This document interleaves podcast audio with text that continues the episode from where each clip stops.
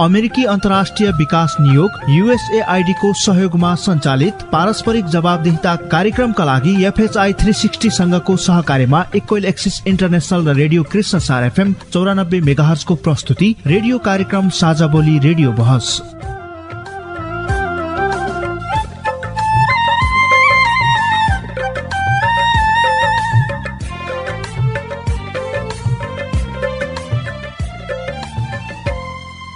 नमस्कार। साझा बोली रेडियो बहसमा तपाईँलाई स्वागत छ। म हुँ माधव अधिकारी। साझा बोली रेडियो बहसमा हामी नागरिक समाज आम सञ्चार माध्यम र सार्वजनिक निकाय बीचको पारस्परिक जवाबदेहिता र आपसी दिगो सम्बन्धका विषयमा बहस गर्छौं।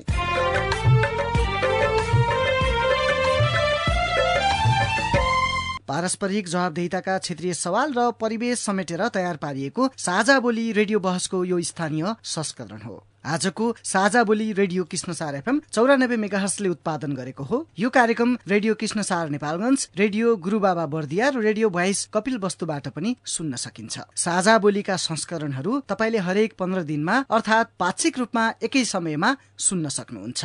साझा बोली रेडियो बहसको यस सत्रको यो स्थानीय संस्करणको सत्ताइसौं भाग हो। झण्डै चार वर्ष अघिदेखि प्रसारण भइरहेको साझा बोली यस वर्ष रेडियो बहसका रूपमा उत्पादन तथा प्रसारण भइरहेको छ।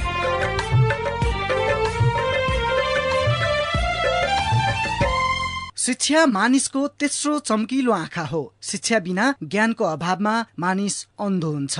जसको कारणले मानिसको जीवन शैली र जीविकोपार्जनमा ठूलो असर पार्दछ। त्यसैले शिक्षा अपरिहार्य छ भने शैक्षिक गुणस्तर विकास गरिनुपर्ने त्यत्तिकै टटका र आवश्यकता हुन्छ। त्यसैले आज हामी शैक्षिक स्तर र नेतृत्वको भूमिकाका सन्दर्भमा रहेर बहस गर्दैछौ। आजको बहसमा मुख्य गरी स्थानीय तहमा शैक्षिक क्षेत्रमा भएका उपलब्धि स्थानीय तहमा रहेका जनप्रतिनिधि र शिक्षा शाखाका कर्मचारी बीचको समन्वय अबको नेतृत्वले निर्वाह गर्नुपर्ने भूमिकाका विषयमा थप केन्द्रित रहनेछौ। यो संहिता लागू हुनुभन्दा अगाडि पनि नियम कानुन थियो। अहिले चाहिँ शिक्षा ऐन नियमावलीमा चाहिँ परिवर्तन भएको छैन। यस्तै यसै सम्बन्धमा तपाईँ सिधा प्रश्नको सिधा जवाब पनि सुन्न सक्नुहुन्छ। शिक्षामा कति लगानी गर्ने कति बजेट छुट्याउने त्यो बजेट छुट्याइसकेपछि त्यसपछिका उहाँको चाहिँ आगामी पाँच वर्षको योजनाहरू कसरी बनाउने? हामी त्यो कुरालाई स्थानीय जनप्रतिनिधिहरूलाई बुझाउँछौ। अहिले पनि नबुझेकालाई पनि बुझाउने प्रयास जारी छ र बुझाउने छौँ। र अब वैशाख तिस पछि पुनः अर्को चाहिँ नेतृत्व आइसकेपछि उहाँले पनि हामीले बुझाउने छौँ। साझा बोली रेडियो बहस अमेरिकी अन्तर्राष्ट्रिय विकास नियोग युएसएआईडी मार्फत अमेरिकी जनताहरूको सहयोगका कारण सम्भव भएको हो। यस कार्यक्रमभित्रका विषयवस्तु र सामग्री पारस्परिक जवाबदेहिता कार्यक्रमका एकल जिम्मेवारी हुन्। र यहाँ प्रस्तुत भनाइले युएसएआईडी वा अमेरिकी सरकारको विचार प्रतिबिम्बित गर्छन् भन्ने जरुरी छैन। बहसका लागि आज हामीसँग उपस्थित भइसक्नु भएको छ शिक्षा विकास तथा समन्वय इकाइ बाँकेका प्रमुख राम सुरेश यादव नेपालगञ्ज उपमहानगरपालिका वडा नम्बर चारका अध्यक्ष मोहम्मद सफिक बेहना र युवा विद्यार्थी नेतृत्वकर्ता तथा युवा सामाजिक अभियन्ता साहिल अन्सारी। आजको बहसमा तिनैजनालाई स्वागत छ। धन्यवाद। नमस्कार। सुरुमा हामी स्थानीय तहमा शैक्षिक क्षेत्रमा भएका पाँच वर्ष उपलब्धि विषयमा छलफल गरौं। छलफल पूर्व कपिल वस्तुको अवस्थाबारे संवाददाता विकास थापाको आवाज सुनौ। शैक्षिक गुणस्तर सुधारका लागि स्थानीय सरकारले महत्वपूर्ण भूमिका निर्वाह गर्दै आएका छन्। कपिल वस्तुका दश स्थानीय पालिकाले शिक्षण सिकाइ प्रक्रियामा सुधार पाठ्यक्रम तथा पाठ्य सामग्रीमा समसामयिक सुधार बाल विकास केन्द्रहरूको पुनर्वितरण तथा सञ्चालनमा सुधार शिक्षक प्रशंसा तथा प्रोत्साहनको व्यवस्था गरी उत्प्रेरणा అభివృద్ధి विद्यार्थी मूल्याङ्कन प्रणालीमा सुधार प्राविधिक तथा व्यावसायिक शिक्षामा सुधार र विशेष गरी विद्यालयमा न्यूनतम भौतिक पूर्वाधारको सुनिश्चितताका लागि विभिन्न योजना बनाउँदै काम गरिरहेका छन्। कपिल वस्तुमा सामुदायिक संस्थागत मदरसा गरी छ सय सन्ताउन्नवटा विद्यालय रहेका छन्। अहिले जिल्लाका केही पालिकाले मधेसका गाउँ गाउँमा पुगेर त्यही बसेर शैक्षिक सुधार गर्न थाल्नुका साथै विभिन्न किसिमका रचनात्मक र सृजनात्मक कामहरू गरिरहेका छन्। विद्यालयका पुराना भवन मर्मत गर्नुका साथै नयाँ भवन निर्माण शुद्ध खानेपानीको पहुँच स्वास्थ्यमा विद्यार्थीहरूलाई जोड्नको लागि विभिन्न खालका कामहरू गरिरहेको अवस्था छ। यस्तै शिक्षक दरबन्दी मिलानको कामलाई पालिकाले विशेष जोड दिएर अघि बढाएको छ। जसले गर्दा शिक्षक अनुपातमा विद्यार्थीले पछिल्लो समय केही मात्रामा भए पनि सजिलै गरी पढ्न पाएका छन् भन्नुहुन्छ बाणगंगा नगरपालिकाका शिक्षा शाखा प्रमुख बाबुराम भट्टराई। केही पालिकाले शिक्षाको पहुँचमा आउन नसकेका विद्यार्थीहरूलाई साइकल वितरण गर्ने शैक्षिक सामग्री वितरण गर्ने राम्रो अङ्कका साथ उच्च शिक्षा पढ्नेहरूलाई निशुल्क शिक्षाको व्यवस्था पनि गरिदिएको। विजयनगर गाउँपालिकाका अध्यक्ष गोपाल बहादुर थापाले बताउनुभयो विकास थापा कपिल वस्तु। कपिल वस्तुको विकास थापाको आवाज सुन्यौँ। म तपाईँसँग आउँछु। नेपालगञ्ज उपमहानगरपालिका वडा नम्बर चारका अध्यक्ष सफिक भेनाजी। के लाग्यो उहाँको कुरा सुन्दा? धन्यवाद माधव भाइ। उहाँको जुन विचार आयो एकदम राम्रो उहाँको विचार हो होइन? हामीले शिक्षामा राजनीति गर्ने होइन। शिक्षामा एकरूपता ल्याउनु पर्छ र सबभन्दा पहिला त शिक्षाको लागि पूर्वाधार आवश्यकता पर्छ र पूर्वाधार खानेपानी जस्तो कुरा विद्यालयमा नभएपछि योग्य र शिक्षाहरू नभएपछि त्यहाँ पाठनमा समस्या हुन्छ। यसलाई स्थानीय सरकारले व्यवस्थित गरेर जानुपर्छ। जति पनि पालिका स्तरीय शाखा छन् यसको शिक्षा क्षेत्रको जति पनि ऊ यो राज्यको एक तहले नै यसको समन्वय गरिरहेको एउटा छुट्टै निकाय चाहिँ अहिले रहेको छ। लामो समयदेखि शिक्षा क्षेत्रमा यहाँको योगदान पनि छ राम सुरेशजी। म तपाईँसँग जान पूर्व युवा विद्यार्थीको पनि नेतृत्वकर्ताको रूपमा अभियन्ताको रूपमा काम गरिरहनु भएका साहिलजीसँग आए। साहिलजी? एकदमै समय सान्दर्भिक कुरा उहाँले राख्नुभयो। पाँच वर्षीय उपलब्धिलाई अहिलेको नेतृत्वकर्तासँग कसरी जोडिएको छ? सुरुमा आजको साझा बोलीको यो कुरा। त्यसैले पनि म जनप्रतिनिधिको आवाजलाई दोहोऱ्याएर फेरि लिउँला। त्योभन्दा पहिला लामो समय जिल्लामा शिक्षा कार्यालय भयो। त्यसले भूमिका निर्वाह गर्यो। धेरै खालको रहिरहँदा पनि यो नयाँ व्यवस्था आइसकेपछि पालिका स्तर स्थानीय तह स्तरमा चाहिँ अहिले पाँच वर्ष यो पुगिरहँदा निर्वाचनको मिति समेत घोषणा भइसकेको छ। अब यहाँले कसरी मूल्याङ्कन गर्नुभयो? म तपाईँसँग आउँछु राम सुरेश यादव। तपाईँ खास गरी शिक्षा विकास तथा समन्वय इकाइ बाँकेको प्रमुख हुनुहुन्छ। तपाईँले कसरी लिनुहुन्छ विषयलाई? पाँच वर्ष जुन यो कार्यकाल चाहिँ यो स्थानीय तहको चाहिँ यो जनप्रतिनिधिहरूको चाहिँ समाप्त हुन लागेको छ। यो कार्यकाल सकारात्मक किसिमले सन्तोषजनक ढङ्गले चाहिँ शिक्षण सिकाइमा चाहिँ सुधार उन्मुख चाहिँ हिसाबले चाहिँ अगाडि बढेको चाहिँ पाइएको छ। जसमा चाहिँ सबभन्दा चाहिँ पहिले सुधार उन्मुख भनेर के के पर्छ यसभित्र? विद्यार्थी संख्याहरूमा पनि वृद्धि भएको छ। विद्यालयहरूको चाहिँ संख्यामा पनि वृद्धि भएको छ। विद्यालयहरूको चाहिँ तह अपग्रेड भएछ प्राथमिकबाट निर्माथमिकबाट माध्यमिक तहमा चाहिँ अपग्रेड भएको छ। त्यस्तै किसिमले माध्यमिक तहकै पनि एघार र बाह्र कक्षा सञ्चालन भएको छ पालिकाहरूमा। त्यसमा पनि प्राविधिक विषयहरूको शिक्षणमा चाहिँ जोड दिएको चाहिँ पाइएको छ। स्थानीय तह शिक्षा युवा खेलकुद शाखा र विद्यालयको बिचको चाहिँ सम्बन्ध चाहिँ बढेको छ। एउटा नजिकता चाहिँ भएको छ। पहिले चाहिँ संघीय बजेट चाहिँ तपाईँको जिल्ला सरकारले मार्फत चाहिँ विद्यालयमा जान्थ्यो भने अब अहिले चाहिँ संघीय सरकारको बजेट चाहिँ शिक्षाको तर्फदेखि लिएर विभिन्न किसिमको छाटवृत्ति लगायतका चाहिँ सुविधाहरू चाहिँ सबै स्थानीय तह मार्फत चाहिँ विद्यालयमा गएको कारणले गर्दाखेरि विद्यालय र चाहिँ स्थानीय तहको बिचमा चाहिँ समुद्र सम्बन्ध चाहिँ कायम भएको छ। तपाईँको हेराइ र तपाईँ फिल्डमा जानु तपाईँले पाएको अनुभव साँच्ची त्यस्तै हो त। नेपालगञ्ज उपमहानगरपालिका वडा नम्बर चारका अध्यक्ष साफिक भेना। साफिकजी धेरै काम गर्नुभयो यो पाँच वर्ष कार्यकालमा? मैले त आफ्नो आफ्नो वडामा पूर्वाधारसँगै विशेष फोकस शिक्षामै मैले गरेछु र यो उपमहानगरपालिकाका जनतालाई पनि जानकारी नै होला। जस्तो सल्यानी बङ्गालामा कन्या स्कुल मावि हामी सञ्चालन गरेर हेरायौँ। त्यहाँ त बिसजना मात्र छात्र छात्रीहरू थिए। अहिले त्यहाँ साढे पाँच सौ बच्चाहरू छात्राहरू मात्रै अध्ययन गरिरहेछन्।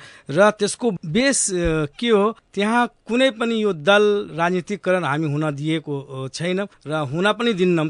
जबसम्म हामी बसिरहेछौँ। त्यहाँका छात्रहरूलाई त्यहाँ जनचेतनाको मुलुक हामी घर दैलो गएर त्यहाँ किनकि मधेसी र मुस्लिम बच्चाहरू धेरै छन् त्यहाँ र त्यहाँ बस्ती पनि मधेसी र मुस्लिम बच्चाहरूको छ। तिनको घर घरमा गएर जनचेतनाको कार्यक्रम गरेर त्यसपछि उहाँहरूलाई ल तपाईँहरू आफ्नो छोरीहरूलाई पठाउनुहोस्। त्यहाँ महिला कन्या स्कुल हो त्यहाँ दुई लिटर तेल पनि हामी वितरण गऱ्यौँ। त्यसपछि त्यहाँ कोचिङ क्लासको व्यवस्था गऱ्यौँ। धेरै सङ्घर्ष गरेपछि आज त्यो कन्या स्कुलमा वास्तविक जुन मैले परिकल्पना गरेको थिएँ। शिक्षाको क्षेत्रमा हामी लगभग लगभग पन्चानब्बे पर्सेन्ट हाम्रो वडाले काम गरिसकेको छ र सँगै महानगरपालिकाको कुरा गर्दाखेरि पनि अब यहाँ टुवेल्भसम्म हामी बनाइसकेछौँ। र त्यो झन् त्यसलाई ओभरसियर पढाउनको लागि पनि मैले केन्द्र सरकारसँग हाम्रो किरण म्याडमसँग संवान गरेर चिठी मैले सिफारिस लेटर पठाइसकेको छु र अब आउने जनप्रतिनिधिले त्यसमा ध्यान दिनुपर्छ। अत्यन्त सकारात्मक एउटा सफलताको कथा केन्द्रित कुरा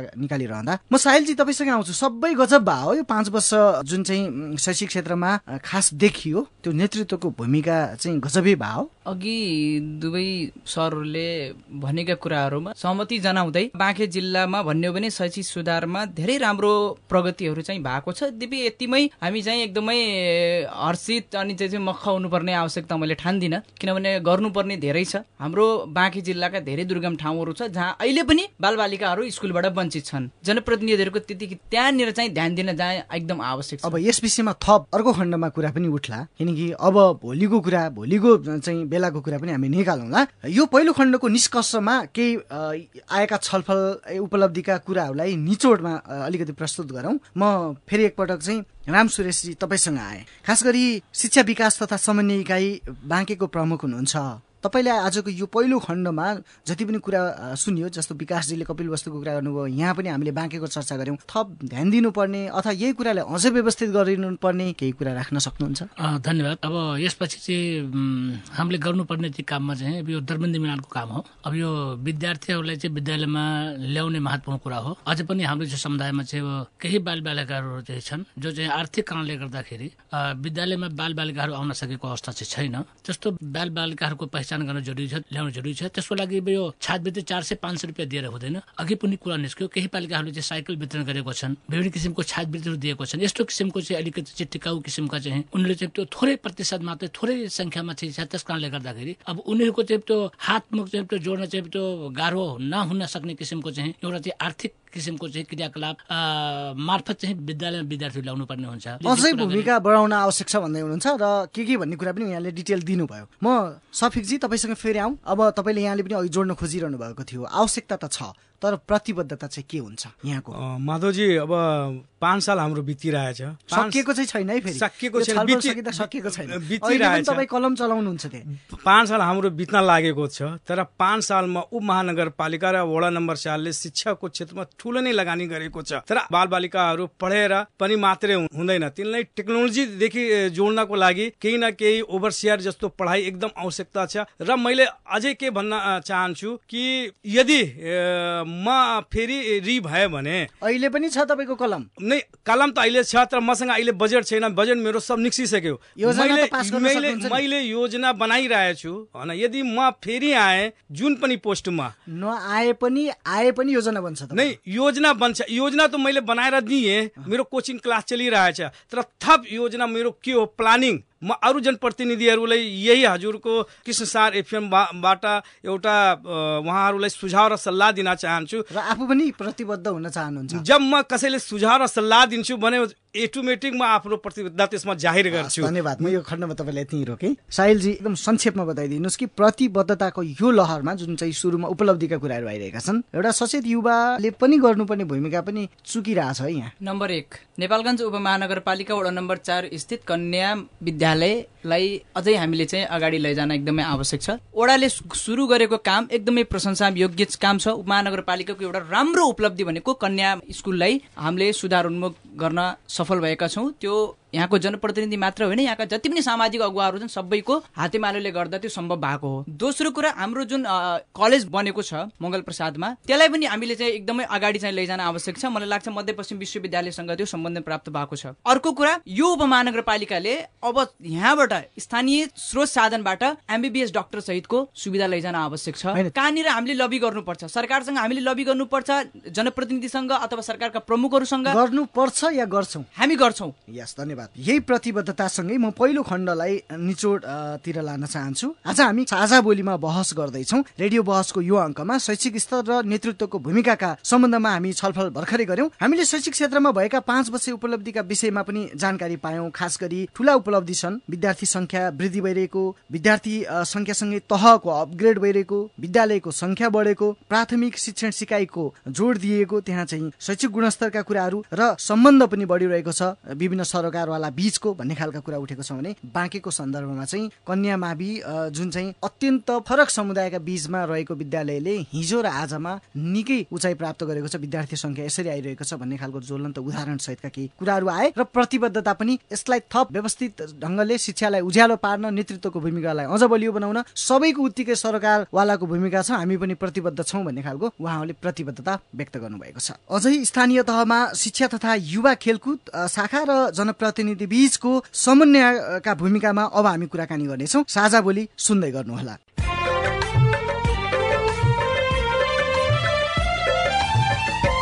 रेडियो कार्यक्रम साझा बोलीको यो रेडियो बहसमा तपाईँलाई पुनः स्वागत छ। शैक्षिक स्तर र नेतृत्वको भूमिकाका सम्बन्धमा हामीले सवाल जवाब सुनाइरहेका छौँ। बहसमा हामीसँग अतिथि हुनुहुन्छ। शिक्षा विकास तथा समन्वय इकाइ बाँकेका प्रमुख राम सुरेश यादव नेपालगञ्ज उपमहानगरपालिका वडा नम्बर चारका अध्यक्ष मोहम्मद सफिक बेहेना र युवा विद्यार्थी अर्थात् नेतृत्वकर्ता तथा सामाजिक युवा अभियन्ता साहिल अन्सारी। अब हामी स्थानीय तह र तहमा रहेका विभिन्न शिक्षा शाखाका प्रमुखहरू बीचको समन्वयात्मक भूमिका के हुन्छ भन्ने विषयमा छलफल गर्दैछौ। छलफल पूर्व हामी हाम्रा बर्दियाका संवाददाता अनुज थारूले पठाउनु भएको यो सामग्री सुनौ त्यसपछि फेरि छलफल गरौँला। म अर्जुन प्रसाद तिवारी प्रधानाध्यापक नेपाल राष्ट्रिय माध्यमिक विद्यालय लक्ष्मणपुर बाँसगढी चार बर्दिया।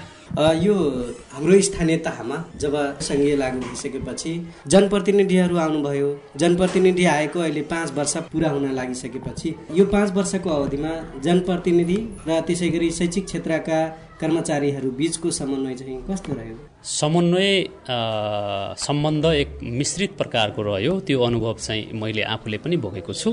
कर्मचारीहरूले पनि जनप्रतिनिधिहरूलाई हेर्ने दृष्टिकोण र जनप्रतिनिधिहरूले कर्मचारीहरूलाई एउटा उहाँहरू भने हाम्रो सेवक हो भन्ने किसिमबाट हेर्ने दृष्टिकोणको बिचमा तालमेल नमिलेको थियो। कहीँ कतैतिर छिटपुट रूपमा एउटाले अर्कालाई नटेर्ने स्वभाव पनि देखिन्थ्यो। विगत एक डेढ वर्ष यता आइसकेपछि कर्मचारीहरू जो स्थानीय तहमा आइसकेको कर्मचारी शिक्षकहरू र जनप्रतिनिधिहरूको बिचमा केही तालमेल राम्रो भएको हो कि जस्तो चाहिँ देखिन्छ। इगोसेन्ट्रिक फिलिङ चाहिँ कर्मचारीहरूमा पनि छ र यो शिक्षकहरूमा र जनप्रतिनिधिहरूमा पनि त्यो फिलिङ चाहिँ छ।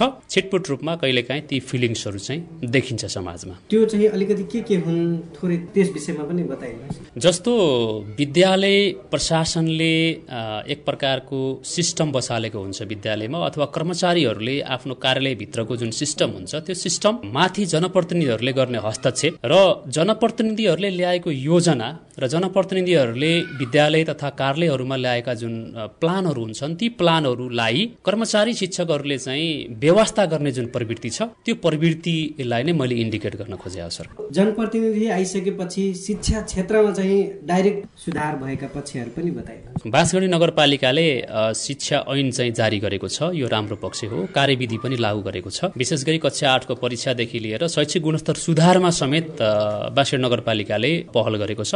वडादेखि चाहिँ सुझावहरू सङ्कलन गरेर हामी हेड टिचर मिटिङदेखि लिएर विभिन्न समितिका मिटिङहरूमा यो विषयमा छलफल हुन्छन् र हामीले चाहिँ हाम्रो ढङ्गबाट कसरी चाहिँ बाँसगढी नगरपालिकाभित्रको शिक्षालाई व्यवस्थित गर्ने भनेर चाहिँ लाग्छौँ। र विशेष गरी यहाँको स्थानीय पाठ्यक्रम निर्माणदेखि लिएर होइन शिक्षाको मोडालिटी के हुने भन्ने विषयसम्म हामी छलफलमा चाहिँ जुटेका छौँ। यो चाहिँ सुन्दर राम्रो पक्ष हो सर। यो स्थानीय तह बनिसकेपछिको। विद्यार्थीको शैक्षिक गुणस्तर सुधारका लागि हामीले छात्रवृत्ति दिनुपर्ने हो कि अथवा गरिब दुखी विद्यार्थीहरू छ असहाय विद्यार्थीहरू छ भने उनीहरूलाई चाहिँ विद्यालयसम्म ल्याउनका लागि अन्य भौतिक स्रोत र साधन के उपलब्ध गराउन सक्छौँ? त्यो उपलब्ध गराउनु पर्ने हो कि? सबैभन्दा ठुलो कुरा शैक्षिक गुणस्तर हो। गुणस्तर अभिवृद्धिका लागि शिक्षाले लगानी गर्नुपर्छ र विशेष गरी यो एक्काइसौँ शताब्दीमा आइसकेपछि अहिलेको युग भनेको आइसिटीको युग हो र आइसिटी इन्फर्मेसन कम्युनिकेसन टेक्नोलोजीमा यदि विद्यालयको पहुँच पुग्न सकेन विद्यार्थीहरूको पहुँच पुग्न सकेन भने अब हामी एक्काइसौँ शताब्दीको ग्लोबलाइजेसनमा चाहिँ हामी विश्वसँग स्ट्रगल गर्न सक्दैनौँ। त्यस कारणले गर्दा त्यस्तो प्रकारको विद्यार्थीहरू उत्पादन गर्नका लागि अब बन्ने जनप्रतिनिधिहरूले योजना बनाएर लाग्नुपर्छ र हामीले बढीभन्दा बढी डिजिटलाइज गरेर बढीभन्दा बढी चाहिँ गुगलबाट सर्च गरेर युट्युबबाट सर्च गरेर विद्यार्थीहरूलाई पढाउन सक्ने गरी चाहिँ त्यो पहुँच चाहिँ विद्यालयहरूमा पुग्नुपर्छ र विशेष गरी अबका बजेटहरू विद्यार्थी केन्द्रित हुनुपर्छ भन्ने चाहिँ मलाई लाग्छ सर। निमाविमा चारवटा दरबन्दी हुनुपर्छ प्राविमा पाँचवटा दरबन्दी हुनुपर्छ। यसरी एउटा विद्यालय माध्यमिक कक्षा बाह्रसम्म चलेको छ भने त्यो विद्यालयमा कम्तीमा सोह्रजना शिक्षक दरबन्दीमा कार्यरत हुनुपर्छ होइन? यो अवस्था अहिले छैन विद्यालयहरूमा। त्यस कारणले गर्दा अहिले जुन सिस्टमबाट हामी चलेका छौँ त्यो सिस्टममा समस्या छ। तर मैले भनेको एक स्टेप अझ अगाडिको हो। त्यो हो के भन्दा अब यो सिस्टमलाई नै हामीले चाहिँ चेन्ज गरेर पाराडाइम सिफ्टमा चाहिँ गरेर पाराडाइम सिफ्ट ल्याएर हामीले अर्को सिस्टमबाट चाहिँ गयौँ भने त्यहाँ थोरै शिक्षक भए पनि हामीलाई पुग्छ सर। भर्खरै हामीले कुराकानी सुन्यौँ जस्तो बर्दिया संवाददाता अनुज थारूले जुन चाहिँ यो आवाज सुनाउनु भयो यसमा के भन्नुहुन्छ? म सुरुमा शिक्षा विकास तथा समन्वय इकाइ बाँके प्रमुख राम सुरेश यादव तपाईँसँग आए। धन्यवाद। कार्यालय संस्था चाहिँ नियम कानुन बनेको नियम कानुनको आधारमा चाहिँ चल्नुपर्ने हो चल्ने हो। अब त्यो हिसाबले उहाँहरू चाहिँ उहाँहरूको बुझाइमा चाहिँ फरक उहाँहरूले चाहिँ नयाँ नवनियुक्त भएर आउनु भएको अब यो जनताले मलाई चाहिँ यो माइन्डेड दिएर पठाएको। मैले जे भन्छु त्यही हुनुपर्छ भन्ने किसिमले। उता चाहिँ कर्मचारीहरूले नियम कानुनलाई चाहिँ टेकेर काम गर्नु पर्दा पर्दाखेरि चाहिँ अलिकति चाहिँ बिचमा अलिकति चाहिँ मतभेदता चाहिँ देखिएको थियो। अब त्यो हिसाबले कहीँ कुनै कुनै जो पालिकामा चाहिँ त्यो कर्मचारीको सरुवा गर्ने गराउने समेत पनि त्यो भयो चाहिँ भयो। र कर्मचारीले पनि अब एउटा आफ्नो चाहिँ बाध्यता बस चाहिँ नियम कानुनले लिएर चाहिँ चल्नुपर्ने किसिमको भएको कारणले गर्दाखेरि चाहिँ नियम कानुन पछिल्लो समयमा चाहिँ यो स्थानीय जनप्रति र त्यस्तै किसिमले यो शिक्षा युवा खेलकुद शाखाका कर्मचारी भनौँ अरू शाखाका कर्मचारी भनौँ र चाहिँ यो विद्यालयका कर्मचारी शिक्षक प्रधान बिचमा सम्बन्ध चाहिँ एकदम चाहिँ राम्रो चाहिँ सुधार हुँदै गएको छ। सुरुमा समस्या आयो भन्नुभयो तपाईँले पनि। धन्यवाद म तपाईँसँग फेरि आउँला। सफिक मेहनाजी। समस्या सुरुमै आएको हो या अहिले पनि समस्या छ? यहाँ त सम्बन्धको कुरा छ। एउटा स्थानीय तहमा आएको जनप्रतिनिधि र त्यहाँ तत्त शाखामा काम गर्ने कर्मचारी बिच आज शिक्षाको कुरा हुँदैछ। होइन माधवजी समस्या आएको होइन समस्या राजले दिएकै हो। हामी चुनाव चुनाव लड्दाखेरि के भनाइ थियो? सिंहदरबारको अधिकार गाउँ गाउँ र वार्ड वार्डमा पठाइदिइरहेको छु अधिकार पठायो तर कर्मचारीको कलमै होइन स्टप गरिदिनु रोक पुरा कुरा त मेरो सुन्नु पर्यो नि त। मैले अब व्याख्या भइरहेको छु अब जनप्रतिनिधि त्यही मेन्डेट लिएर चुनाव लडेर जितेर आए होइन सिंहदरबार। तर जनप्रतिनिधिहरू मात्रै त्यहाँ डाँट पनि पाएको छन्।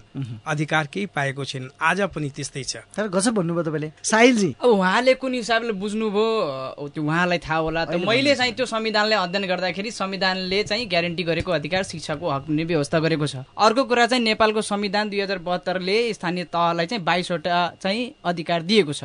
त्यसपछि चाहिँ प्रदेशको अधिकार छुट्टै दिएको छ भने साझा अधिकार पनि स्थानीय सरकारलाई प्रदेश सरकारलाई संघ सरकारलाई दिएको छ होइन? यद्यपि केही रूपमा कमी कमजोरी होला त्यो आफ्नो ठाउँमा छ तर अधिकार चाहिँ दिएको छ। मैले मात्र एउटा वडा नम्बर चारको कुरा गरेको होइन। यो देशीको कुरो मैले कुरा गरिरहेको छु। अनुभव त चारबाटै लिनु हो चारबाटै नै अनुभव लिएको छु कर्मचारीको अधिकार कर्मचारीसँग हुन्छ र जनप्रतिनिधिको अधिकार जन प्रतिनिधिसँग हुन्छ। त्यसै कारण जनप्रतिनिधि र कर्मचारीको सम्मान सम्मान गरेर नै वडा कार्यालय हो या शिक्षाको क्षेत्रमा होस् काम गरेपछि वातावरणमा काम त्यो अगाडि बढ्छ। राम सुरेशजी। अधिकार छ भन्दैमा अधिकारलाई ठिक्क प्रयोग गर्न सक्नुपर्छ भन्ने कुरा पनि ल्याउनु भयो है खास गरी हामी यो समन्वयको कुरा गर्दैछौँ। एउटा पालिका स्तरमा भएका जनप्रतिनिधि र तत्त शाखाका कर्मचारी बिच आज शिक्षाको कुरा आइरहेको छ होइन यो संहिता लागू हुनुभन्दा अगाडि पनि नियम कानुन थियो। अहिले चाहिँ शिक्षा ऐन नियमावलीमा चाहिँ परिवर्तन भएको छैन। र अघि पनि साहिल भाइले भने जस्तै चाहिँ स्थानीय तहले चाहिँ दिएका अधिकारहरू जुन चाहिँ तपाईँको स्थानीय स्वायत्त शासन ऐन दुई हजार चौहत्तरमा चाहिँ तपाईँको चाहिँ तेइस बुन्दा चाहिँ अधिकार चाहिँ सरकारले हस्तान्तरण गरिसकेको अवस्था चाहिँ छ। अब यो तेइसवटा चाहिँ त्यो बुन्दाको समुचित प्रयोग भएको छैन पालिकाहरूमा। जसमा चाहिँ तपाईँको विद्यालय व्यवस्थापनदेखि लिएर चाहिँ विभिन्न किसिमको कुराहरूको त्यहाँ चाहिँ त्यो तेइसवटा अधिकारमा दिएको छ। विद्यालयको अनुमति स्वीकृतिदेखि लिएर चाहिँ विभिन्न किसिमको काम कुराहरूको कुराहरू गरेको छ। अनौपचारिकदेखि लिएर विभिन्न किसिमको चाहिँ कुराहरू गरेको छ। हामी समन्वयको कुरा गर्दैछौँ।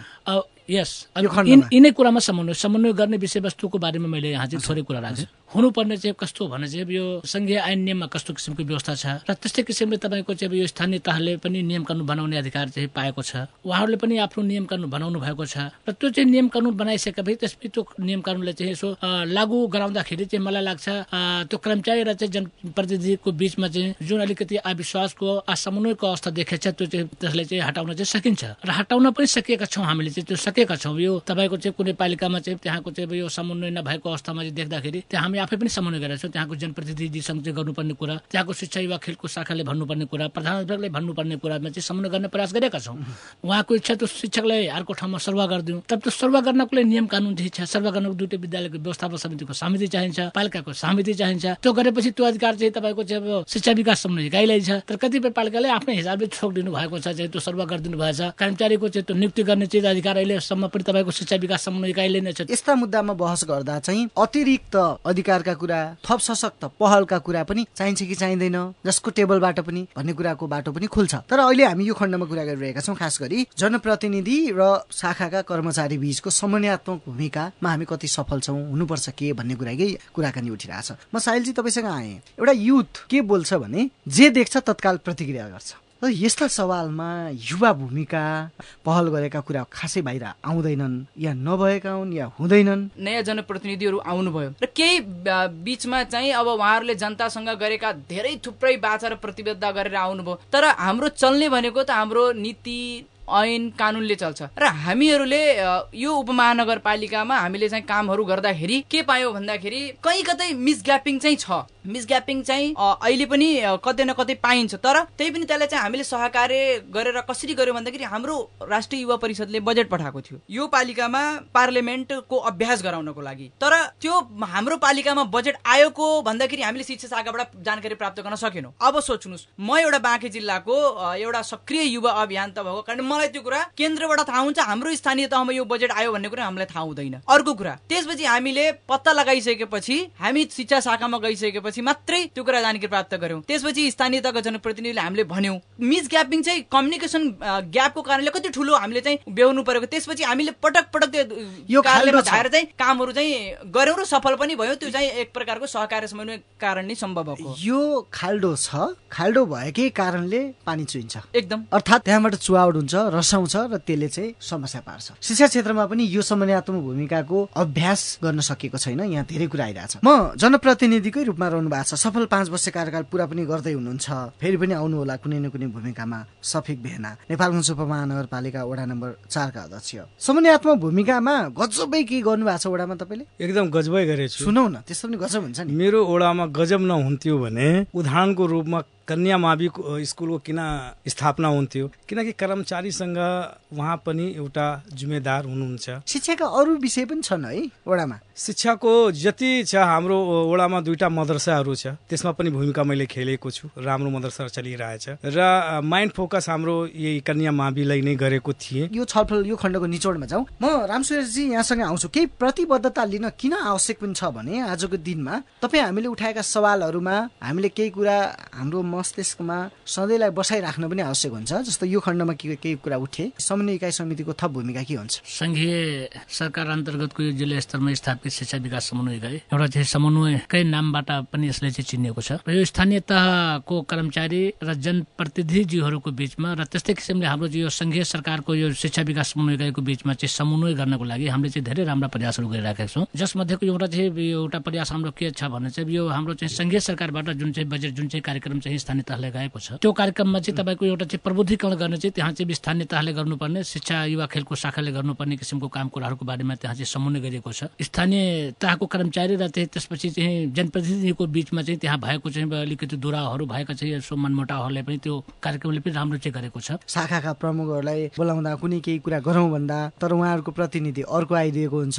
अनि जहिले व्यस्तताले गर्दा पालिकाका चाहिँ प्रमुखहरूको सहभागिता पनि हुन सक्दैन। त्यस्ता उदाहरण पनि यो बिचमा केही वर्ष हामीले देख्न पायौँ। त्यस कारणले अब समन्वय इकाइ समितिको यो कुरामा चाहिँ अलिक टाइटली सम्बन्ध चाहिँ प्रगाढ छ है शिक्षामा। चासो छ है सबै स्थानीय तहका चाहिँ सबै व्यक्तिको। भन्ने चाहिँ बनाउनलाई तपाईँको प्रतिबद्धता के छ? अब यसमा हामीले चाहिँ यो सम्बन्धित स्थानीय तह अथवा चाहिँ जिल्लालाई चाहिँ खालकेको कुनै चाहिँ काम कुराको बारेमा यसो चाहिँ समन्वय गर्नुपर्ने रहेछ भने त्यसको सन्दर्भमा हामीले चाहिँ इमेल मार्फत पनि त्यो सम्बन्धित चाहिँ पालिकाको इमेल एड्रेस हामीसँग छ। इमेल मार्फत चाहिँ एउटा चाहिँ चिठी पठाएका हुन्छौँ। त्यो त्यो इमेलले पनि हुँदैन। कोही साथीहरूले खोइ मैले इमेलै हेर्न पाएन भन्ने चाहिँ पनि एउटा चाहिँ बाहना चाहिँ तपाईँले अघि पनि भन्नुभयो बोलाएको एउटा व्यक्ति हुन्छ अर्को व्यक्तिको उपस्थिति हुन्छ। अब त्यो चाहिँ त्यो इमेलको कुरालाई पनि यसो चाहिँ त्यो त्यो कुरालाई चाहिँ त्यो सत्य साबित गराउनको लागि त्यहाँको चाहिँ कर्मचारीले आफ्नो सूचनाको बारेमा जानकारी गराउनको लागि चाहिँ टेलिफोन मार्फत पनि ल यस्तो किसिमको कुराहरू भएको छ यो भन्ने फोन, त्यस्तै किसिमले अनुगमन पनि हुन्छ। सबै मार्फत चाहिँ उहाँहरूलाई अनिवार्य रूपमा चाहिँ यस्ता भूमिकामा बाँधिराख्नलाई अझ क्रियाशील बन्नुहुनेछ। बन बन बन त्यो भइ पनि रहेछ र आगामी दिनमा त्यसलाई अझै प्रभावकारी ढङ्गले सशक्त ढङ्गले चाहिँ अगाडि बढ्ने प्रतिबद्धता म शिक्षा विकास तर्फबाट गर्न चाहन्छु धन्यवाद धन्यवाद। वडा स्तरमा भएका जनप्रतिनिधिले थप समन्वयको भूमिकालाई प्रगाढ बनाउनका लागि अब एउटा जनप्रतिनिधिले खेल्नुपर्ने भूमिकामा यहाँको थप प्रतिबद्धता या थप चाहिँ यहाँको भनाइ के छ? एक आपसमा राम्रोसँग मधुर सम्बन्ध बनाएर काम गर्नुपर्छ। र मैले आफ्नो वडामा त्यस्तै लागू गरेछु कुनै समस्या भएको छैन र आउने दिनमा पनि मेरो वडामा राम्रो प्रभावकारी बनाउने हो। यहाँका जति सामुदायिक विद्यालयहरू छन् दुईटा चिज मैले हेरेछु गर्नको लागि। एउटा शिक्षा निशुल्क नै गरिदिनुपर्छ। साहिलजी। हाम्रो एउटा के प्रतिबद्धता छ भन्दाखेरि हामी कानुनलाई अध्ययन गर्छौँ। हामी कानुनलाई बुझौँ। स्थानीय सरकार सञ्चालनको लागि स्थानीय सरकार सञ्चालन ऐन दुई हजार चौहत्तर छ। त्यो भित्र सबै जनप्रतिनिधिका काम कर्तव्य अधिकार सरकार चलाउने स्थानीय तह कसरी चल्छ त्यो विषयको त्यहाँ कानुनी व्यवस्था गरिएको छ। हामी त्यो कुरालाई स्थानीय जनप्रतिनिधिहरूलाई बुझाउँछौँ। अहिले पनि नबुझेकालाई पनि बुझाउने प्रयास जारी छ र बुझाउने छौँ र अब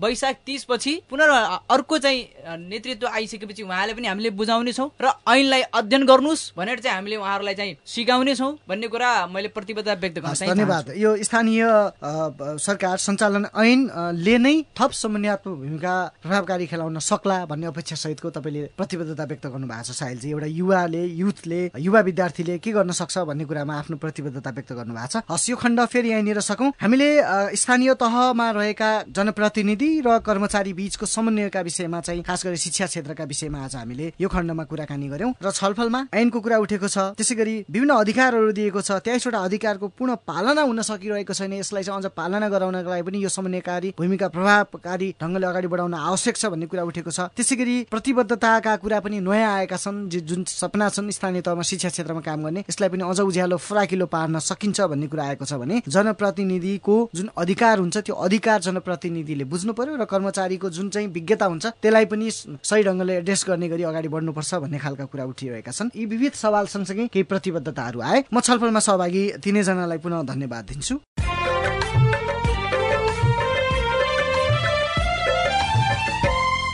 भर्खरै हामीले छलफल गर्यौं विषय रहेको थियो स्थानीय तहमा रहेका जनप्रतिनिधि र कर्मचारी बीचको समन्वय। यसमा थुप्रै प्रतिबद्धता र केही सवालहरू उठे। हामी शैक्षिक क्षेत्रमा अबको नेतृत्वको भूमिकाका विषयमा अझ घनीभूत छलफल गर्नेछौँ। साझा बोली रेडियो बहस सुन्दै गर्नुहोला। यतिन्जेल भएको छलफलमा समन्वयको भूमिका प्रभावकारी कसरी गर्न सकिन्छ? अहिलेसम्म आएका नेतृत्वमा रहेकाहरूको भूमिका के हुन सक्यो भन्ने विषयमा केही कुराकानी उठेका छन् भने शैक्षिक स्तर र नेतृत्वको भूमिकाका सम्बन्धमा आजको कार्यक्रम सुन्दै हुनुहुन्छ। बहसमा अतिथि हुनुहुन्छ शिक्षा विकास तथा समन्वय इकाइ बाँकेका प्रमुख राम सुरेश यादव नेपालगञ्ज उपमहानगरपालिका वडा नम्बर चारका अध्यक्ष मोहम्मद सफिक बेहना र युवा विद्यार्थी र सामाजिक युवा अभियन्ता साइल अन्सारी अब हामी शैक्षिक क्षेत्रमा अबको नेतृत्वको भूमिकाका विषयमा थप छलफल गर्छौं। यसका लागि सुरुमा बाँकेका संवाददाता रजनी योगीले पठाउनु भएको यो रेडियो सामग्री सुनौ त्यसपछि फेरि छलफल गरौँला। म सुरेश कुमार पर्सेला सरस्वती माध्यमिक विद्यालयको प्रधानाध्यापक लामो इतिहास यो विद्यालयको यो विद्यालय स्थापना भएको विक्रम सम्बत उन्नाइस सौ अन्ठानब्बेमा जस अनुरूप अहिले लगभग यस विद्यालय अस्सी वर्ष चाहिँ पार गरिसकेको छ र यहाँ छात्राहरू मात्रै पढ्ने भएकोले यस विद्यालयका थुप्रै समस्या र चुनौतीहरू छन्। पहिलो त अब यस- ठाउँलाई चाहिँ अलिकति ठाउँको अपर्याप्तता छ। विद्यार्थी संख्या अत्याधिक छ। विद्यार्थीहरूलाई मानसिक खेलकुद अनि अतिरिक्त क्रियाकलापहरूबाट जुन विद्यार्थीहरूलाई पठन पाठन गराउनु पर्ने हो त्यो गराउन नसकेर खालि कक्षा कोठामा मात्रै शिक्षण क्रियाकलापलाई मात्रै चाहिँ जोड दिएको हामीले यहाँ चाहिँ यस विद्यालयमा रहेको छ। आगामी दुई हजार उनासीमा चाहिँ वैशाख तिस गते निर्वाचन हुँदैछ होइन? नयाँ जनप्रतिनिधिहरू पनि आउँदै हुनुहुन्छ। अब आउने जनप्रतिनिधिहरूले चाहिँ शैक्षिक क्षेत्रका कस्ता कुरालाई चाहिँ प्राथमिकतामा राख्नुपर्छ होला? कस्तो खालको जनप्रति आउनुहुन्छ? उहाँमा चाहिँ शिक्षाप्रति कतिको उहाँले चाहिँ आफ्नो जिम्मेवारी लिनुहुन्छ?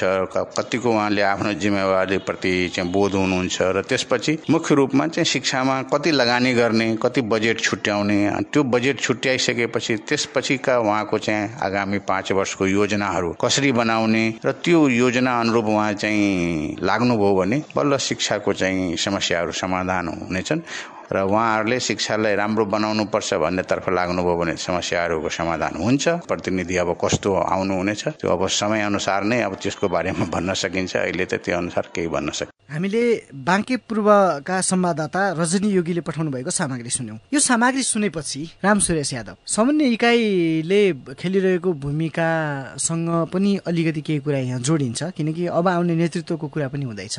बुझ्न मात्रै अहिलेको नेतृत्वले चाहिँ पाँच वर्ष लगायो भन्ने जस्तो कुरा पनि सुन्यो। तपाईँ के भन्नुहुन्छ? अलग अलग किसिमको समस्या छ। अब आउने चाहिँ जनप्रतिनिधिहरूले के गर्नु पर्यो भने सबभन्दा पहिले चाहिँ त्यो विद्यालयहरूको चाहिँ विद्यालयगत किसिमले वडा कार्यालय एउटा वडाभित्र कति विद्यालय छन्। कुन कुन विद्यालयको के के कस्तो किसिमको समस्या छ त्यो समस्याको चाहिँ बेसो चाहिँ पहिचान गर्नु पर्यो। समस्याको पहिचान गरिसकेपछि त्यसपछि तपाईँको त्यहाँको चाहिँ अब शिक्षक प्रधानध्यापक विद्यालय व्यवस्थापन समितिसँग बसेर एउटा चाहिँ पाँच वर्ष चाहिँ योजना बनाउनु पर्यो चाहिँ। त्यो विद्यालयमा के के समस्या छ त्यो समस्याले समाधान गर्न के के गर्न सकिन्छ कुन समस्या कहिले समाधान गर्ने कति चाहिँ त्यसमा चाहिँ त्यो रकम खर्च हुने हुन्छ यस प्रकारको एउटा चाहिँ योजना बनाउनु पर्यो। अर्को कुरा चाहिँ शिक्षकहरू विद्यालय भएको शिक्षकहरूको पनि शिक्षण सिकाइ राम्रोसँग उनीहरूबाट फाइदा लिन सकेको अवस्था छैन। व्यवस्थापन समिति चाहिँ त्यो नाम मात्रको चाहिँ छ खालि उसले चाहिँ त्यो त्यहाँ चाहिँ आफ्नो उपस्थिति देखाउने र अब आफ्नो चाहिँ सिद्धि गर्ने किसिमको पनि कुराकानीहरू भइरहेको छ। शिक्षकलाई सरुवा गर्ने गराउने त्यस्तै किसिमले चाहिँ अस्थायी शिक्षक भर्ना गर्ने यस्ता किसिमको काम गरिरहेछ। शिक्षकहरू जो चाहिँ त्यहाँ चाहिँ तपाईँको दसदेखि चार बजीसम्म पढाउनु पर्ने उनी शिक्षकहरू विद्यालयको व्यवस्थापनमा चाहिँ त्यो विद्यालयको चाहिँ कोठा बनाउँदाखेरि पनि इटा भट्टामा उनीहरूले नै जानुपर्ने सिमेन्ट किन उनीहरू जानुपर्ने। अब त्यो तपाईँको त्यो पढाइ लेखाइ चाहिँ अवरुद्ध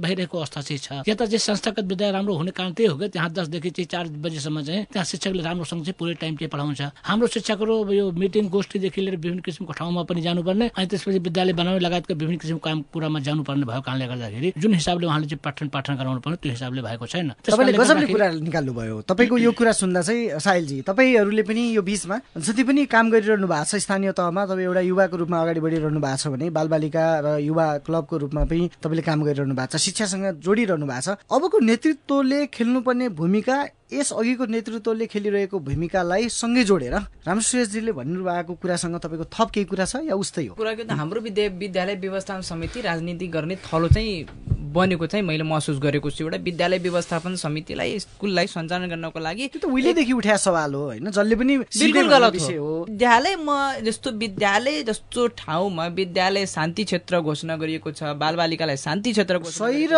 गलत त भन्यौ तर अब आउने नेतृत्वलाई अब आउने नेतृत्वले त्यसलाई चाहिँ एकदमै माइनस गरेर लैजानुपर्छ। हाम्रो शिक्षा क्षेत्रमा चाहिँ राजनीति गर्नु हुँदैन। हाम्रो विद्यालय व्यवस्थापन समिति बालबालिकाको शिक्षासँग चाहिँ हामीले कहीँ पनि कुनै पनि ठाउँमा चाहिँ लापरवाही गर्नु हुँदैन हामी गर्दैनौँ हामी त्यो कुराको चाहिँ बहिष्कार गर्छौँ भन्ने कुरो अब आउने नेतृत्वले त्यसलाई चाहिँ स्वीकार गरेर आउनुपर्छ आफ्नो प्रतिबद्धता पत्रमा त्यो लिएर आउनुपर्छ।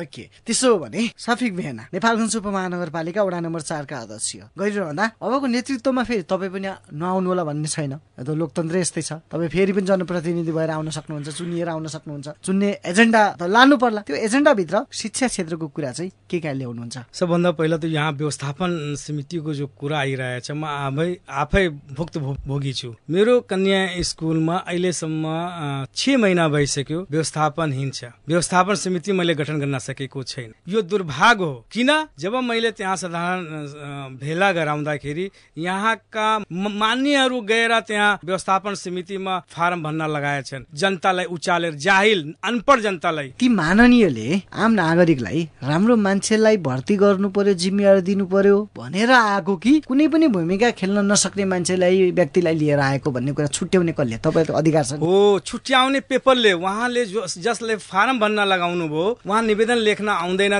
त्यसलाई व्यवस्थापन समितिमा राखेर के फाइदा छ? त्यसो भने त सबभन्दा पहिला जनप्रतिनिधिलाई सवाल गर्ला नि। हामी निष्पक्ष भएर काका फाका नगरेर राजनीतिक नगरेर जुन मान्छे विज्ञ छ त्यसलाई हामी छानौँ नि त।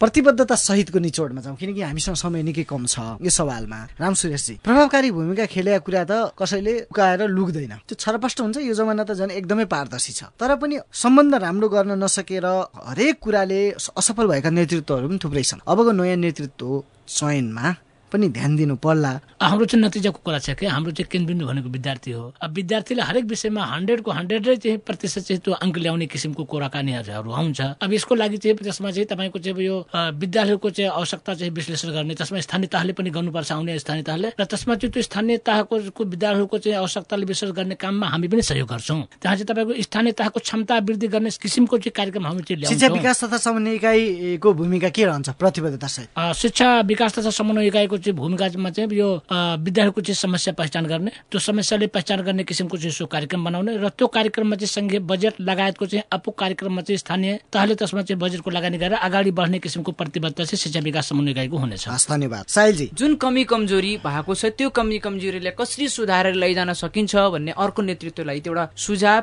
सल्लाह चाहिँ दिने हाम्रो काम हुन्छ। अर्को कुरा हाम्रो सहरमा अथवा भनौँ हाम्रो जिल्लामा हाम्रो ठाउँमा शिक्षा क्षेत्रमा सुधार गर्नुपर्ने कुराहरू आवश्यकताका कुराहरू हामीले मात्रै विद्यालयमा भर्ना गरेर विद्यार्थी टिकाएर मात्र अब सम्भव छैन। यो टेक्नोलोजीको जमाना हो। हामी ट्वेन्टी फर्स्ट सेन्चुरीमा छौँ। अब हामीले मात्रै विद्यार्थी ल्याउने भर्ना गर्ने यति बच्चा पढे यस्तो भयो उस्तो भयो मात्रै भनेर गफ लाएर काम छैन। अब हामीले कसरी एउटा राम्रो प्रोडक्ट हामीले प्रड्युस गर्न सक्छौँ भन्ने कुरामा अब जान आवश्यक छ। जस्ट ओभरसियरको कुरा गर्नुभयो डक्टरको कुरा गर्नुभयो त्यस्तो टेक्नोलोजीको लाइनमा हामीले आफ्नो विद्यार्थीलाई प्रड्युस गर्न सक्दैनौँ। हामीले त्यसरी चाहिँ विद्यार्थीलाई चाहिँ उत्पादन गर्न सक्दैनौँ। घोषणा पत्रकमा कुराहरू उहाँहरूसँग बेला बेलामा डिबेटका कुराहरू छलफल गर्ने कुरा हामी चाहिँ गर्न चाहिँ तयार छौँ फास्ट ट्र्याकमा जानु पर्यो। तपाईँहरूको आफ्नो भूमिकालाई पनि तपाईँहरूले अलिकति बाक्लो बनाउनु पर्यो अलि एट्र्याक्टिभ बनाउनु पर्यो पर्यो हामी सकिन्छ। सकिन्छ हामी गर्छौँ हामी तयार छौँ त्यसको लागि। धन्यवाद। अत्यन्त ऊर्जाशील यही प्रतिबद्धता मैले चाहेको हो। नेपालगञ्ज उपमहानगरपालिका वडा नम्बर चारका अध्यक्ष मोहम्मद सफिक बेहना तपाईँसँग आए। अब यदि म कुनै न कुनै रूपमा आएँ भने सबभन्दा बढी शिक्षामा मेरो फोकस हुन्छ जस्तो यहाँका जति समुदायिक विद्यालयहरू छ या म आफ्नै वडाको कुरा गर्दाखेरि त्यहाँका विद्यार्थीहरूको टोटल फिस जति छ निशुल्क गरिदिने त्यसको पैसा वडा कार्यालयले पे गर्ने। यो एउटा मेरो भावी योजनामा हुन्छ। आधुनिक टेक्नोलोजीदेखि जोड्नु पर्छ त्यो त्यो स्कुललाई ओभरसियरको मेरो कल्पना हो पढाउनको लागि र आउने दिनमा यसलाई म एकदम फोकस गर्छु। हस् धन्यवाद। धन्यवाद। साझा बोली रेडियो बहसमा हामीले शैक्षिक स्तर र नेतृत्वको भूमिकाका सम्बन्धमा सवाल जवाब सुनायौं। बहसमा अतिथि हुनुहुन्छ शिक्षा विकास तथा समन्वय इकाइ बाँकीका प्रमुख राम सुरेश यादव नेपालगञ्ज उपमहानगरपालिका वडा नम्बर चारका अध्यक्ष मोहम्मद सफिक बेहना र युवा विद्यार्थी सामाजिक युवा अभियन्ता साइल अन्सारी आजको बहसमा तीन खण्डमा हामीले बहस गर्यौं र तिनटै खण्डमा फरक फरक र एकै विषयसँग जोडिएका एकै अङ्गसँग जोडिएका प्रतिबद्धता र केही कुराहरू खुले जसले हामी शैक्षिक क्षेत्रको धेरै सुधार गर्न सक्छौँ धेरै राम्रो पनि भइरहेको छ भन्ने कुरा खोलेको छ। खास गरी आज अहिले पछिल्लो खण्डको निचोडका कुरा गरौँ। यहाँनिर चाहिँ विद्यालय व्यवस्थापन समिति अलिकति लोभ र पदीय स्वार्थमा छ। त्यस कारणले कहीँ गठनै छैन। कहीँ गठन भए पनि एकरो छ र यो बीचको समन्वयात्मक भूमिका नहुँदा नेतृत्व असफल भइरहेको छ भन्ने खालका कुरा पनि आए। यसतर्फ आगामी दिन आगामी नेतृत्वले चाहिँ अझ बढी ठोस भूमिका निर्वाह गर्न सक्नुपर्छ भन्ने कुरा आएको छ। यहाँ अस्सी वर्ष पुराना विद्यालयमा काम गरिरहेका पठन पाठन गरिरहेका शिक्षकहरूको कुरा पनि हामीले सुन्यौँ ताकि त्यहाँ धेरै समस्या छ खेलकुद मैदान छैन विद्यालयको फ्राकिलो भौतिक वातावरण छैन अझै सुधार गर्नुपर्ने धेरै आवश्यकता कुरा छन् जुन चाहिँ अबको नेतृत्वले पहल गर्न सकोस् भन्ने छ। शिक्षक दरबन्दी जतिको कक्षा कोठा छैन त्यसले सहज उपलब्धि ल्याएको छैन र विद्यालयमा भएका शिक्षकहरूको गुणस्तरलाई चिन्नै सकेको छैन नेतृत्वले। त्यो कुरा पनि उठेको छ। आगामी दिनमा यस्ता कुराहरू चाहिँ परिवर्तन गर्न सकिनुपर्छ भन्ने सामूहिक प्रतिबद्धता पनि आजको खण्डको बहसमा र तिनै खण्डको बहसमा हामीले सुन्यौं नेतृत्वको भूमिका आगामी दिनमा र बीचको समन्वयात्मक भूमिका र त्यसै गरी पाँच वर्ष कार्ययोजना पाँच वर्षभित्र भएका उपलब्धिहरू समग्रमा धेरै राम्रा पनि छन्। केही राम्रा गरिरहँदा अप्ठ्याराहरू पनि छन्। ती चुनौतीहरू चिरफार गर्नु पनि छ र स्वार्थमा नलागिकन शिक्षाको समग्र विकासमा सबैको एकजुट एक हात एक समन्वयात्मक भूमिका हुन आवश्यक छ भन्ने खालका कुराकानी उठेका छन्। अवस्था यिनै सामूहिक प्रतिबद्धता र सामूहिक कुराकानीसँगै आजको साझा बहस यति नै। अब म कार्यक्रमको निचोडको प्रतिबद्धता चाहिँ चाहन्छु यो छलफलमा। एकदमै निचोडको प्रतिबद्धता। सुरुमा म तपाईँसँगै जाउँ राम सुरेश यादव। आजका तीन खण्डमा जुन छलफल भयो नि तिनै खण्डको छलफल सुनिसकेपछि शिक्षा विकास तथा समन्वय इकाइ बाँकेको प्रमुख हुनुहुन्छ। तपाईँको पद त पाँच वर्ष हुँदैन क्यार होइन? निरन्तर थाई सरकार हो। थाई सरकारको मुस्कान जतिको छ नि थाई सरकारको भूमिका यी तिनटै बहसमा उठेका कुराका आधारले निचोडमा कुरा राखिदिनु एक नम्बरमा चाहिँ अब योजनाको कार्यक्रमदेखि लिएर त्यसपछि यो कर्मचारी स्थानीय तहको बिचको चाहिँ समन्वयको कुराहरू चाहिँ त्यस्तै किसिमले चाहिँ तपाईँको भएका चाहिँ समस्याहरूको समाधानको सन्दर्भमा चाहिँ यो मुष्ट हिसाबले चाहिँ यहाँ चाहिँ तपाईँको चाहिँ सङ्घीय लगानी त्यस्तै किसिमले प्रदेश लगानी र स्थानीय तहको लगानीलाई चाहिँ एकजुट गराएर चाहिँ त्यो सम्पूर्ण चाहिँ शैक्षिक समस्यालाई चाहिँ समाधान गरेर चाहिँ त्यसपछि शैक्षिक गुणस्तर बढाउने चाहिँ शैक्षिक वृद्धि बढाउने तर्फमा चाहिँ स्थानीय तह र प्रदेश स्तरसँगदेखि लिएर चाहिँ हाम्रो चाहिँ यो हरेक चाहिँ तह तबका सङ्घ संस्थासँग चाहिँ एकदम चाहिँ समन्वय गरेर अगाडि बढ्न चाहिँ प्रतिबद्धता व्यक्त गर्न चाहन्छु। र हामीले अब चाहिँ फोर आरको ट्रिक लगाउनु पर्छ। एउटा चाहिँ राइट्सको कुरा। हामीले हाम्रो अधिकार के हो? संविधानले हाम्रो शिक्षाको हक व्यवस्था गरेको छ। रेस्पोन्सिबिलिटी अब हामीले नागरिक कर्तव्य कसरी चाहिँ गर्न सक्छौँ त्यो संविधानले पनि हाम्रो व्यवस्था गरेको छ। स्थानीय सरकार सञ्चालन ऐनमा पनि व्यवस्था गरेको छ। जति पनि मिसग्यापिङहरू छ जति पनि हाम्रो चुनौतीहरू छ त्यो त्यसलाई कसरी चाहिँ सम्बन्धित निकायमा पुर्याएर चाहिँ हामीले चाहिँ समाधान गर्न सकिन्छ कुरालाई अब हामीले चाहिँ मध्यनजर गरेर चाहिँ काम गर्छौँ भन्ने प्रतिबद्धता देख्न चाहन्छु। एउटा अध्यक्षज्यू सफिक भएन हजुर। ओभरसियर पढाउनको लागि केन्द्र सरकार र प्रदेश सरकारसँग सामान्य गराएर अगाडि बढाउने र यहाँका प्रदेश र सङ्घसँग अनुमति माग्ने र आउने दिनमा यहाँका जुन प्रदेश मान्यज्यू अ, सङ्घको मान्यज्यूहरू पनि शिक्षामा विशेष बजेट वियोजन गर्नुपर्छ जस्तो उहाँहरू फोकस गर्ने। त्यति म भन्न चाहन्छु र म अगर कुनै न कुनै रूपमा जनप्रतिनिधि रूपमा आएँ भने विशेष शिक्षामा पहिला गर्छु यति प्रति। धन्यवाद।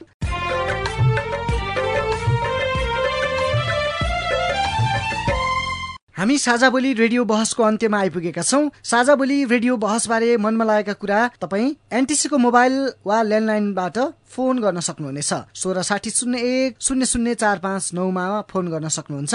एनसेल प्रयोगकर्ता हुनुहुन्छ भने अन्ठानब्बे शून्य पन्ध्र एकहत्तर शून्य उन्तिसमा फोन गर्नुहोला। यी नम्बरहरूमा फोन गरेको पैसा लाग्दैन र प्राप्त निर्देशन अनुसार प्रश्न सोध्न सकिन्छ। पारस्परिक जवाबदेहिता बारे आफूले देखे सुनेको या भोगेको कुनै कुरा लेख मार्फत व्यक्त गर्न चाहनुहुन्छ वा अरूका लेखहरू पढ्न चाहनुहुन्छ भने डब्लु डट मेरो रिपोर्ट डट नेटमा लगइन गर्नुहोला।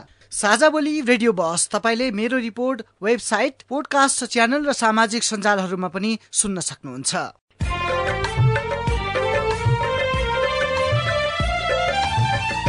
शिक्षा क्षेत्र साँच्चीकै नक्षत्र हो। शिक्षा हाम्रो शरीरको पहिलो अङ्ग पनि हो। शिक्षा बिना घर उज्यालो छैन टोल उज्यालो छैन सहर उज्यालो छैन। त्यसैले शिक्षामा सबैभन्दा पहिलो प्राथमिकता हुन सक्नुपर्छ। स्थानीय तह सङ्घ प्रदेश तिनै तह बीचको समन्वयात्मक भूमिका जनप्रतिनिधि सम्बन्धित शिक्षा क्षेत्रका विज्ञ र काम गर्ने ती व्यक्तित्व निकाय युवा पङ्क्ति सबैको भूमिका सकारात्मक रहनेछ र आजका यिनै तिनै खण्डमा गरिएका सवालमा आएका थप प्रतिबद्धतासँग निचोडको प्रतिबद्धता यही साझा प्रतिबद्धता आएको छ।